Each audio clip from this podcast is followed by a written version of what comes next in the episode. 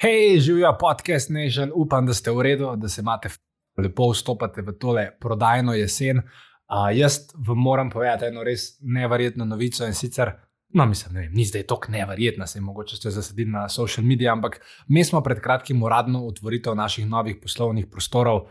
380 kvadratnih metrov, full lušna stvar. Mi grede, če hočete priti k nam delati, pejte na filipesek.com, pošiljnica karijera.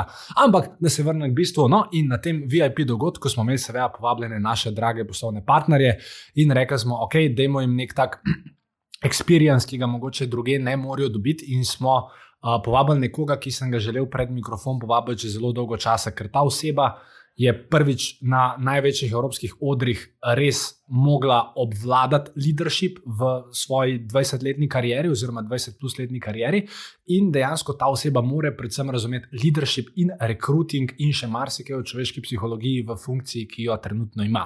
To je športni direktor CD-vite Olimpije, največjega slovenskega košarkarskega kluba, uh, Sani Bečirovič. In Sani se nam je na tem VIP dogodku pridružil. Kaj nam je povedal? Uh, zdaj, odsek iz tega dogodka. Uh, Pač boste slišali, en del smo mogli zrezati ven zaradi uh, varovanja poslovnih skrivnosti, uh, ostalo pa uh, prisluhnite, všeč vam bo in se vidimo v naslednji epizodi, oziroma se slišmo v tele. Režija za role. En lep pozdrav, moje ime je Filip Pesek, to je svet marketinga in verjamem, da boste v tej epizodi neizmerno uživali. Ko pa s poslušanjem končate, pa ste vabljeni na našo seksi, lušno, simpatično spletno stran www.filipesek.com, kjer najdete še več uporabnih vsebin in pa seveda tudi kakšno hudo ponudbo. Se vidiva tam, zdaj lepa gremo na podcast.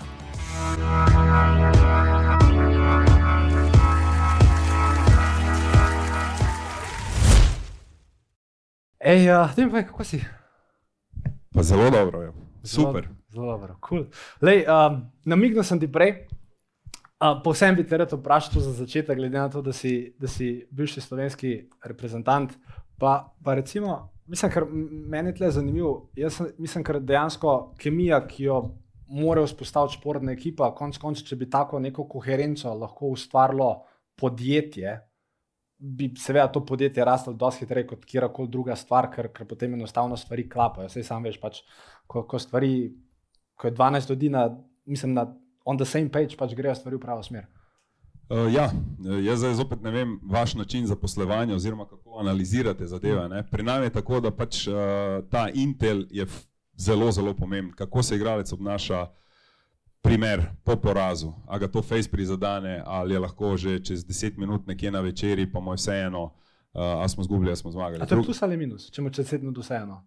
To je minus. To je minus, ne? To je minus, ah, ja. Okay, Zato, ker zopet govorimo o mentaliteti, v kateri je. Ne? V Ameriki je to najbolj normalno in spremljivo, uh, spremljivo zato ker te že od malih nog uh, vzgajajo, da je to šport, da je to veselje, da je to. Pri nam pa ni, pri nam pa ali je grška tragedija ali pa je narodna euforija. In, in potem tudi navijači dobivajo napačno sliko. In to je tisto, kar je zopet potrebno predstaviti uh, igralcu, ki prihaja. E, prihajaš v zemljo košarke, prihajaš vem, v Ljubljano, kjer navijači sami razumejo šport in vejo, kdaj je po porazu zaploskati, vejo pa kdaj, če te vidijo na, na, na kosilu ti lahko plune v faco, recimo, karikiram, ne, mm. primer iz Grčije. Uh, Tep. ja. ja, ja. Ampak nasprotni navijač, no, da se ne jasne. Ne. Uh, in to so vse zadeve, veš, ki je zelo potrebno predstaviti uh, človeku, američanu, vem, ali pa tujcu, ki prihajajo v državo. Ne. In če nikoli nisi bil v tej situaciji, torej v garderobi ali pa na igrišču, je malo težje, pa tudi ljudje te drugače gledajo. Uh, Kar je bilo spet fajn, to sem jih zanj bral, ker je Pešič, torej trener srpski pred prvenstvom, se zahvalil Milošu Teodošiču in je potem naknadno rekel, da ga je odstranil zato, ker ekipo včasih ne sestavljajo najboljši igravci, ampak ekipo sestavljajo najboljši igravci, ki pašajo skupaj. In tudi to se mi zdi zelo pomembno, da, da mislim, kar se umeni, da včasih mogoče res ni tista glavna stvar, kako nekdo igra. Mislim, je zelo pomembna, ampak je treba poleg nje pol gledati, če vse ostale neke te mehke veščine pa stvari. Mislim, tu se lahko nadovežem na to zgodbo. Ta, ta sistem uh, izbire izhaja že vem, iz bivše Jugoslavije, mm. kjer so vedno izbirali po pozicijah, sicer tam je bilo tudi uh, drugačno pravilo, ker je bilo pa zagajme, mogoče starejša generacija bo še boljše vedela, ne vem, štiri Srbi, štiri Hrvati, dva Bosanca, en Slovenec pa en Makedonec. Ne. Tako je bilo v Jugo-Repki. Ključ je bil pa tak, točno to, da po poziciji ne gre ta dva najboljša, ampak gre prvi pa tretji. Zakaj? Čisto enostavno, zato ker drugi na tej poziciji vedno misli, da je boljši od prvega. Tretji pa se zaveda, da mogoče bi pa tu še lahko bil nekdo, ki je boljši od mene in se zadovolji s pozicijo backupa, tako imenovanega. Tudi mi funkcioniramo po takem ključu, zato ker ja, pet uh, egomanijakov, ki mislijo, da so najboljši na svetu, ali pa pet Ronaldov, pet MBP-ov, pa tako dalje, nikoli ne prenese željenega rezultata. In to je zdaj tisto, ko delamo analizo, predvsem delamo analizo karakterno okay, a se lahko podredi nekome, a bo sprejel vlogo, če bo Filip, ne vem, vrgo 30 žog na tekmo, a bo Sani to pogotno dol, pa rekel, ja, ker je to dobro za ekipo, ali bo na prvo se zapodil v njega, ali pa v trenerja, ali pa v nekoga, pa rekel, gledaj, ne, jaz sem stokrat boljši. Ne. Tako da to je, to je nekako tisto nepisano pravilo, da gledaš karakterno, kdo, kdo je kak karakter in ali bo lahko uh, sprejel vlogo, ki mu bo dana. Hmm. Če ima drugače od vas kakšno vprašanje, naj prosim vprašam. Jaz, če kdorkoli imamo nek leteč majk, tako reče, bo kdorkoli naj sam roko dvigne, ali se pa začne kulturno oglašati, pa bomo spravili mikrofon do vas. Uh, s, s katerimi igravci si pa ti najbolj skupaj pasal? Oziroma, mislim, kaj, mislim, kaj pa ti, recimo, ko si bil kot igravc, da mogoče greva malo iz te olimpijske zgodbe še nazaj na tvojo kariero. Uh, Kaj, kaj si pa ti iskal v svojih igravcih? Pa recimo vse veš, v ekipi imaš 12 igralcev, vedno se z nekaterimi bolj zastopaš kot z ostalimi. Kaj, kaj je bil ti ključ? Mislim, zdaj, če gledam Sanja pred poškodbo, je bil neznosen. je bil, ja, ja, zato ker sem bil. Uh, Ne bom všeč. Preveč sebičen. Ne? Bil sem res sebičen, uh, zanimal me je samo jaz, jaz, jaz in pa posledično zmagovanje ekipe. Uh, zmagovanje ekipe je del, ki je vedno bil v meni. Pa če enostavno nisem prenesel poraza, to izhaja že iz vem, četrtega osnovne šole, ker si je mama mogla priti na razgovor, ker sem med dvema ognjema zgubil, pa sem svoje igralce pretepal, ker smo zgubili. Ja, res je. Uh, poraz nekako v naši familiji ne obstaja, oziroma ga ne znamo pogotno dolne. In uh, recimo pred uh, poškodbo, ker mi je pač doseganje točk bilo tako lahko dano in mi je prihajalo tako naravno to, da, da pač jaz ladam 30, 40, 50 nisem rad podajal no? in mm. nisem bil ravno najbolj priljubljen v ekipi. Ampak po drugi strani sem bil pa tako uh, samozavesten, pa nadud, ko gledamo, ne vem, Ronaldo te pa te podobne, da sem rekel, gledaj, jaz dam koš, če pa ga ne dam, pa ti skoči gor, ki bo itak na obroču nekje, pa boš, pa boš dobil žogo. Ne? Tako da res nisem bil najboljši svoj igralec. No? Uh, sem pa vedno zbiral ljudi, ki jim je bilo do zmagovanja. No? To je bila pa tisto vodilo in tudi ostale sem nekako teral na to, da je zmaga najbolj pomembna stvar v življenju. Za mene ni bilo sivega območja, bilo je samo ali zmagam, ali pa se skušamo naučiti iz tega, tudi to, kar vsi pravijo na svetu, ampak v prvi vrsti od sebe. Vedno sem bil zelo strog do sebe. Uh, in tu govorimo o eni stvari, ki mislim, da je danes vse premalo uh, znotraj naše družbe, to je ta osebnostna odgovornost. In to je nekaj, kar govorim tudi mojim igravcem. Zelo lahko je prelagati v prvi vrsti krivico na drugega, ne? kaj šele odgovornost. Uh, zato, ker pač eno stvar, ki me je familija naučila že od malih nog, je pač, ko uperiš prst v drugega, en kaže na tebe, tri pa proti sebi. In vedno se prvo začni sabo ukvarjati. Tako da ta del je v meni vedno bil močen. Torej, stopim pred ogledalo, stopim pred ljudi, rečem, my bad, gledaj, lahko rečem za jebo. Ja. Lahko, ja. za jebo sem, ta gre na mene, sorry, fanti, ne vem, gor dol, ampak vedno, vedno sem bil zelo, zelo strok do sebe. Uh, in to sem pol zahteval tudi pri ostalih. In, in ni, ni zastojno tisto, kar rečejo američani, lead by example. Ne. Tudi uh, pri zmagu, tu pač smo trenirali po šest ur na dan. Uh, se spomnim pač dve tekmi, ki sem odigral, recimo ena je bila s Tofaš Burso, ena je bila z, z Olimpijakosom sem po tekmi, pač, ker sem slabo odigral, odpeljal slovensko bistrico, užgal avto in še dve, dve uri po tekmi z užganimi lučmi od avta treniral, ker mi je bilo tako bed, da sem v bistvu pustil ekipo na cedilu. In potem imaš v bistvu pravico zahtevati to tudi od ostalih. No, tako je. Ker te ostali vidijo, da je tebi res toliko do tega zmagovanja in da si nekako primer z treningom, pol, pol imaš pravico. Okay. Uh, kako, mislim, ker okay, bi, bil si kot igralec na. Mislim, igral si dolgo časa, košarko, bil si voditelj. Si igral eno ali dvojko večino časa? Pa večino dvojko. No. dvojko okay.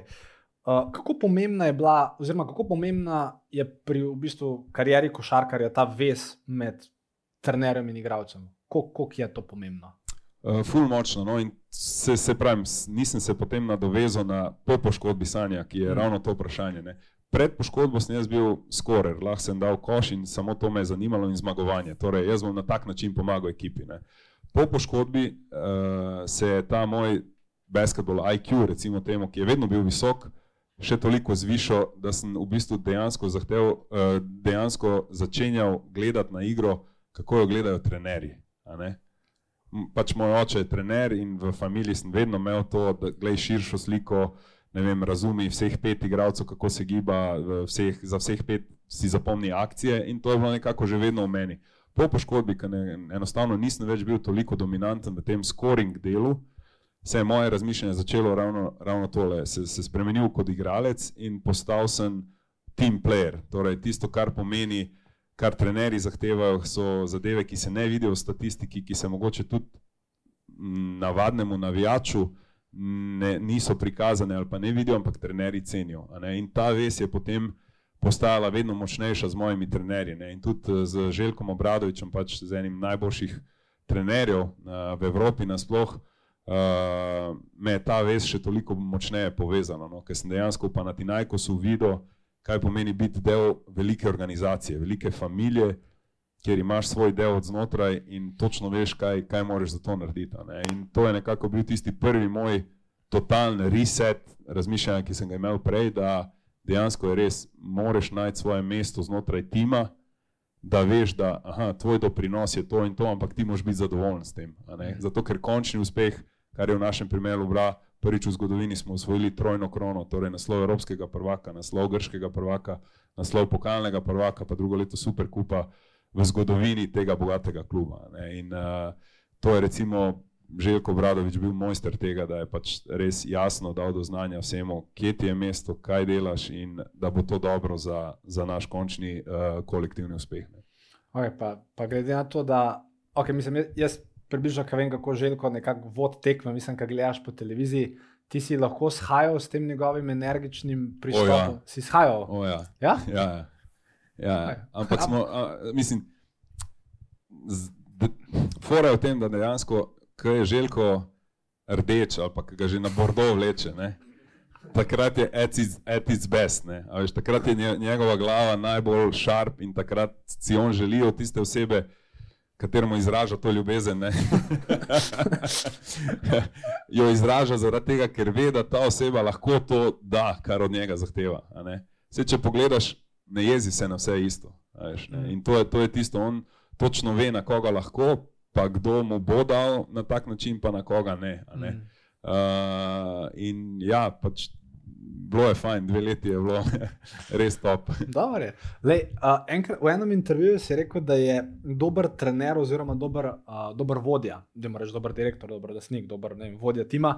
Uh, mislim, da je v tvojem primeru pač dober, dober trener, tisti, ki ima znanje in karizmo bi še kaj dodal na to teorijo, ali, ali, ali je to dejansko formula, torej, da mora imeti vodja znanje in karizma?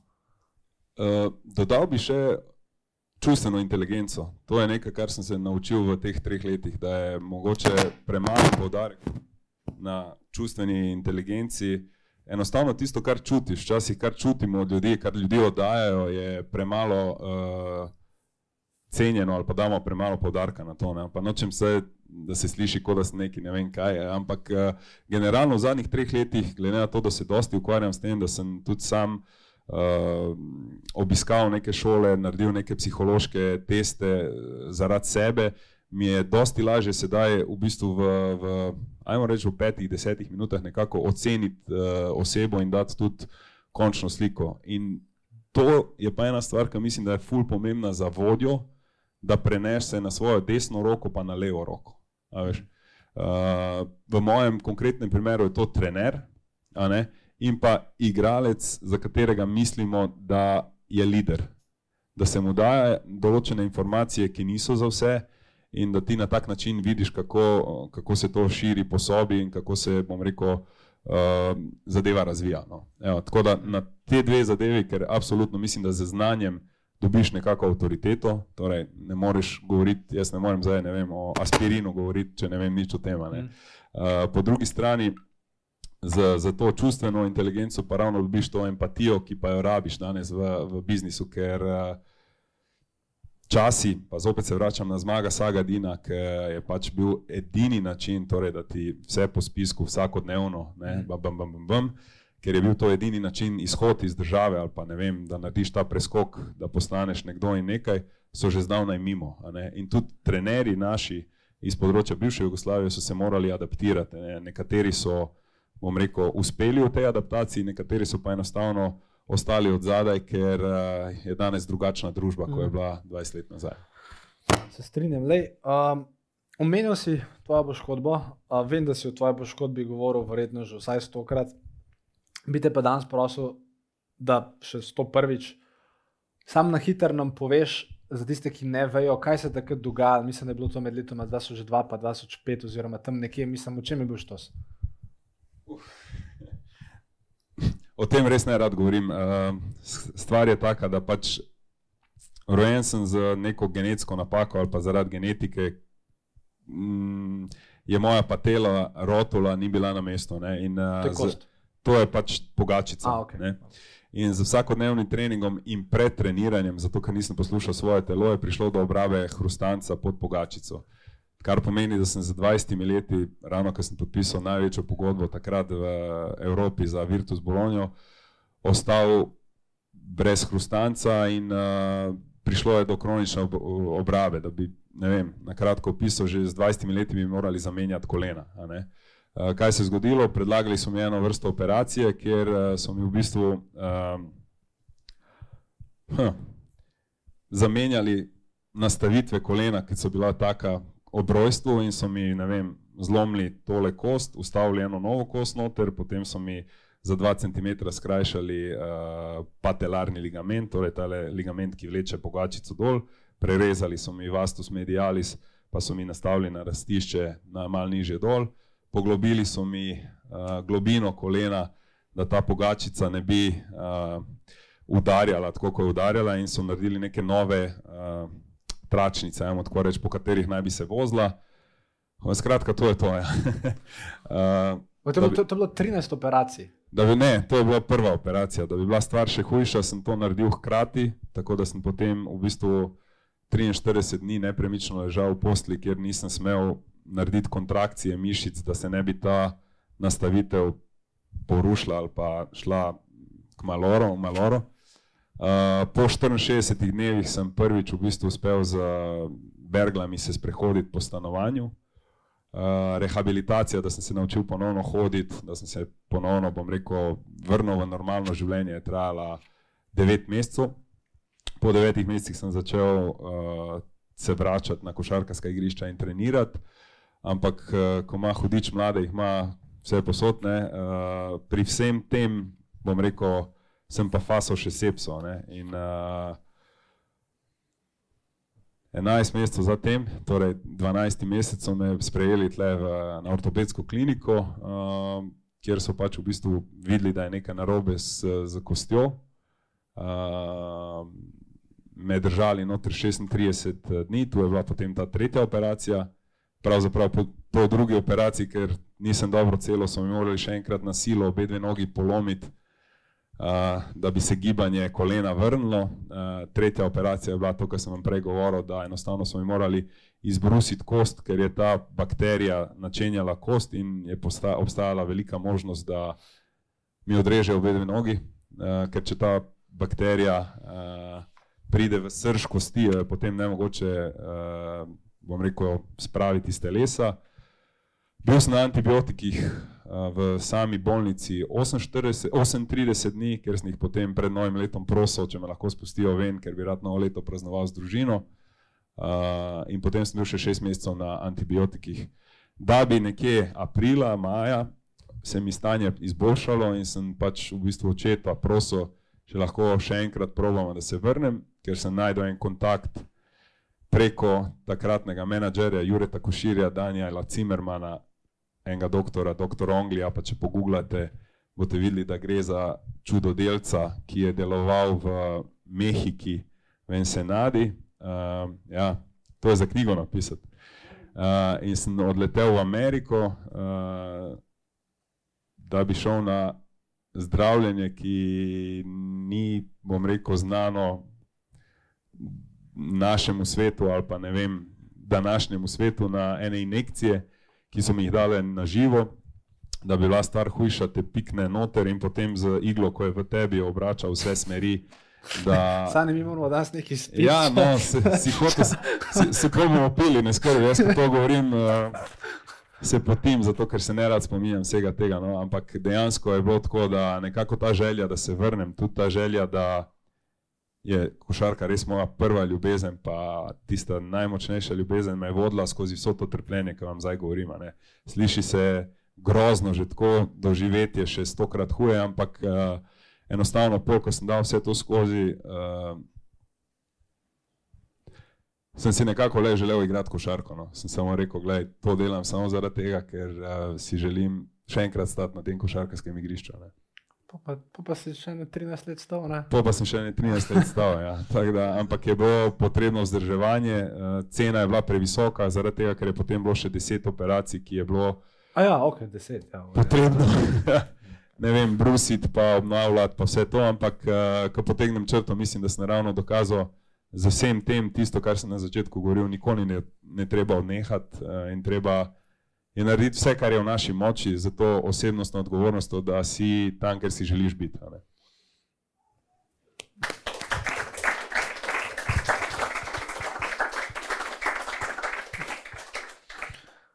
Ja, dobro. A gremo na lepše teme. ja, le, uh, okay.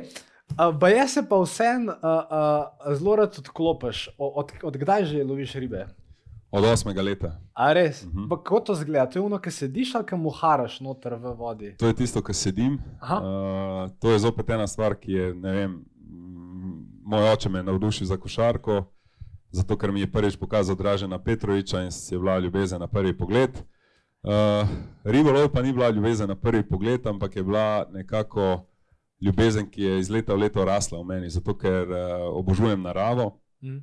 Ne znam pa sedeti pri miru, je, nisem maral hoditi in torej edina stvar, ki je bila, je, gremo na ribnik, da se resno pogovorimo, ob tem počneva nekaj in uh, smo v nekem zen modu, kjer ni bilo telefonov, kjer ni bilo uh, motečih faktorov in nekako to nam je ostalo še do dan danes. Torej vse najpomembnejše odločitve v moji karieri ali pa tudi v družini so bile nekako sprejete ob ribniku z očetom in uh, z dvema palicama, ki, ki čakata, da nekaj zapne. Pa, pa mislim, greš zdaj sam loviti ali vedno tudi? Tudi, ne, ne, okay. tudi dosti krat sam, ker rabim mir za sebe, ker rabim zbistriti misli. Uh, še posebej v preteklosti no, uh, je to bil edini način, uh, da sem se nekako zbral in poistovetil sam s sabo. Mislim, mislim, da je to stvar, ki jo veliko ljudi ne zna narediti. Mislim pač biti bit sam s sabo, ker to je v bistvu istočasno najlažja, pa istočasno najtežja stvar. Ne?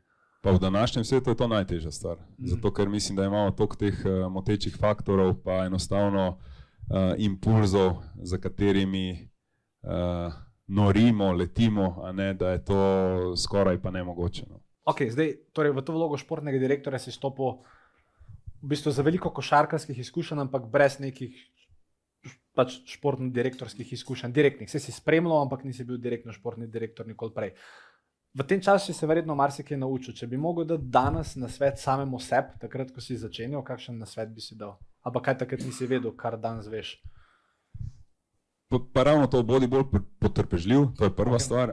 Zato, ker uh, recimo, jaz sem imel srečo, zato takoj po končani karieri se mi je ponudila možnost, da se pridružim kot pomočnik trenerja Saši Đorđeviču v, v Panatinajkusu. Uh, takoj, ko sem sprejel to službo, za mene dream job je bil biti trener. Jaz bom enega dne trener, pa na Tinajkosa, Real Madrida in tako dalje.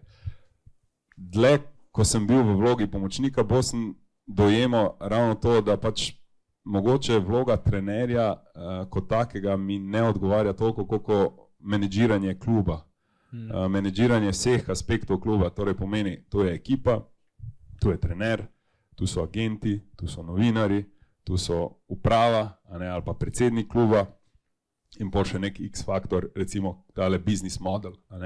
In glede na to, da je v Panatinajkosu bil vrsto let uh, gospod Manos uh, GM, uh, ki je deloval po starem kopitu, in tu imam dobro anegdoto, ker sem ga vprašal Manos, kako si ti 20-30 let uh, eden najuspešnejših GM-ov v Evropi, ne? ker je pač Panatinajkos najbolj uspešen klub. Rekel je, file sani, back in the day was easy, rekel, kako je bilo easy.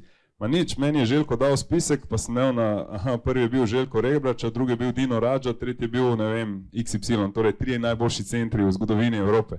Rekel, it was like a shopping list, če ni bilo tega, sem vzel drugega najboljšega. Ne? Rekel, danes je to postalo ful težko, ker tudi mi nismo več finančno powerhouse in se moramo ukvarjati z analizo, bla, in jaz tega ne znam. In je meni ponudil med letom, da v bistvu začenjam gledati, kako realno ful, klub funkcionira za kolisijem. Torej, bodi si, ne vem, uh, dogovarjanje s hoteli za, za ekipo, kaj bomo jedli, kam gremo, kdaj gremo, letalske karte. Bla, bla. In jaz sem dejansko v Panatinajku delal tri stvari. Eno je bilo assistant coach, eno je bilo assistant GM, tretje mi je pa dal potem tudi uh, relationship z agenti, torej, da se začnem že malo pogajati. Tako da, ko je enkrat prišla ponudba za športnega direktora, tu sem že nekako imel sestavljeno idejo o tem, kako to zgleda. Okay? Uh, tisto, kar bi svetoval vsakemu, je, da ob sebi, recimo v mojem primeru je to Davor Užbinec, naš generalni direktor, ima človeka kot je Davor. Zato, ker je starejši od mene, ker je bolj izkušen in ker je bil v svetu biznisa. Ravno to, ker res nisem deloval in točno ve, kaj pomeni imeti neko finančno stabilnost, kontrolo. Ker tu pa pride zdaj tisti športnik v meni, pa nekdo, ki ne zna zgubljati. Kaj mi izgubimo, tekmo, pa se meni kadi ven iz uši. Jaz bi, ne vem, kupil še tri igralce, pa porabil še enkrat budžeta, pa vse tako dalje. Ne? In takrat prijedal, ne, če ne može. Ja. Ovoliko imaš, ovoliko si potrošil in sada, eto. Hočeš menjati, menjaj, ampak moraš biti znotraj budžeta. In to je tisto, kar je meni največja vrednost. Torej, da imamo v sebi nekoga, ki je pa po duši absolutno, uh, bom rekel, racionalen, non-stop in ga ne zanese ta športni duh, športna emocija.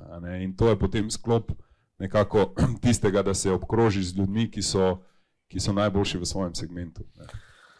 Okay, um, pismo, eno, eno prošlo imam, okay. proti koncu. Ja, ampak predvidevam, da boš rekel ne. Sam zdaj zajemam, ki 50 let let, gore imamo, imamo prešer. Lej. No pressure, no pressure. uh, jaz imam neko idejo že dlje cajta, da bi šel, uh, torej do 20 let sem igral basket, od 20 let naprej, razen dveh rekreacij, nisem basket igral, malo sem na koš vrgel, da pa kdaj in to je to. Ampak imam še eno 27 let, sem star, imam še eno željo, da bi se za eno sezono pripravil, pa eno sezono še odigral. Ali je to sedma španska, tretja avstrijska, druga slovenska, nima veze. Nekaj. Brez skrbi, partnerji eh, bo takrat vse normalno potekalo. Um, ampak in zdaj, jaz, ko sem bil dejansko star 14-15 let, jaz sem začel obsesivno študirati pet igralcev v Evropi uh, oziroma štiri v Evropi, pa enega v Ameriki, zato ker ste mi bili fizično vsaj malo podobni. Torej, jaz sem zelo počasen, pa mislim, kot telo, kot glava, sem hiter. Prvi korak imam dosti počasnejši od tebe, ampak to je malo, malo počasneje, kot ti idemo reči. No? Uh, torej, to je, bil, to je bil Šaras, to je bil Rakočevič, to je bil Jason Kidd, uh, pa to je bil uh, Diamantidis, peti si bil ti. Zdaj imamo vprašanje, če se čez štiri leta dejansko začnem pripravljati, da se pripravim, pa lahko ti plačam. A si, a, to vam najraje. A si boš, si boš vzel eno uro časa, enkrat, ko boš imel čas, zato ker bo rečel s tabo na igrišče, pa bi ti rad vprašal ene par stvari, ki jih pač na video tej po nisem uspel pogruntati, ker bi rad razumel, kako ti gledaš na ene situacije v pick and rollih, v nekih spacingih. Ja, mislim, ne vem, zakaj ne bi. Ore. Ja. Ore. A, kaj? Ja. Če se ureje, le vprašaj. Ampak bomo snemali to pripravo. ja, ja, to bo. Uh, za konec povej, kaj, kaj pripravljate z Olimpijo v tem letu, kakšni so cilji?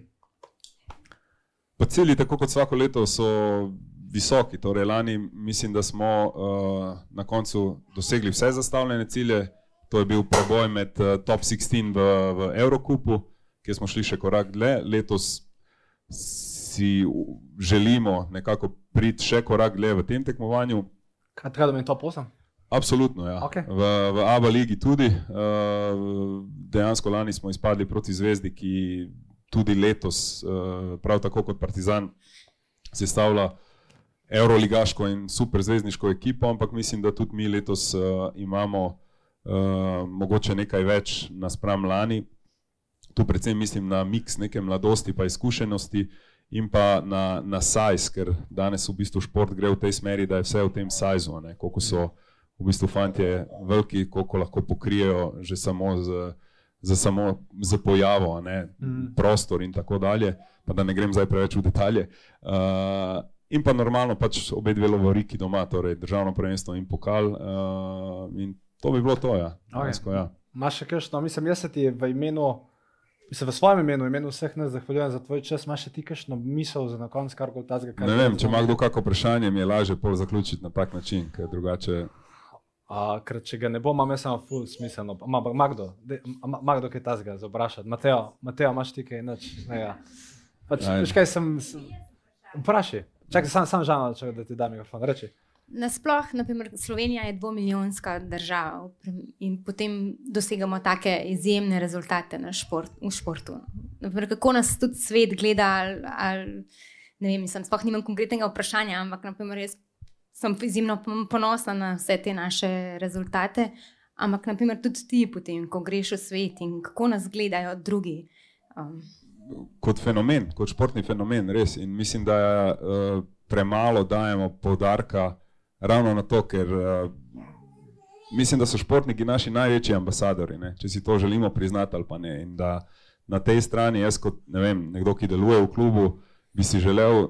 Sigurno še kako, bom rekel, privilegijo ali pa nekaj več, da lahko ravno te mlade, ki nas bodo nekega dne predstavljali v svetu, jim omogočimo uh, omogočimo boljši razvoj. Ker, recimo, evo, to je en večjih problemov. Uh, dosti mladih nam beži v tujino. Ne. Zgodil se je efekt Luka Dončiča, pa ne samo v smislu, da imamo enega najboljših igralcev, ever v naši vrsti, ampak tudi ta mladi za 13-14 leti množično bežijo v tujino, ker mislijo, da je tam boljše. Ne. In tu mislim, da pa je problematika, ki, ki zadeva državo, dosti, da, bi, da bi nekako prepoznala ta problem in s tem tudi omogočila potem kasneje eh, športnim kolektivom, eh, zvezam in tako dalje, da se to ne bi dogajalo. Ne? Ker mi enostavno z dva milijonsko populacijo in pa tudi gospodarstvom, ki je naspram ostalim gospodarstvom malo, ne moramo konkurirati ravno v tem segmentu, da se, da se borimo z vem, Španci, Italijani, Nemci. Eh, in samo primer, pred tremi leti, ko sem vzel pozicijo športnega direktorja, je iz Slovenije šlo 26 fantov, starih med 13 in 16 let v, v tujino, ne, ki so za nas bili zanimivi in ki so nekateri, ki bodo v pri, prihodnosti igrali na najvišjem nivoju. Ne. Tako da to je, to je problem. No. Okay, tako da dejansko bo tem naša finalna neka sklepna misel ta, da moramo mi kot biznisi narediti res dobre biznise, da bomo lahko da narod se vidi toliko. Absolutno. Če vse. danes nismo prodali vse štiri lože, pol ne vem. Dame in gospodje, dajmo en velik aplauz za Sanje Večerovič, za Sanje.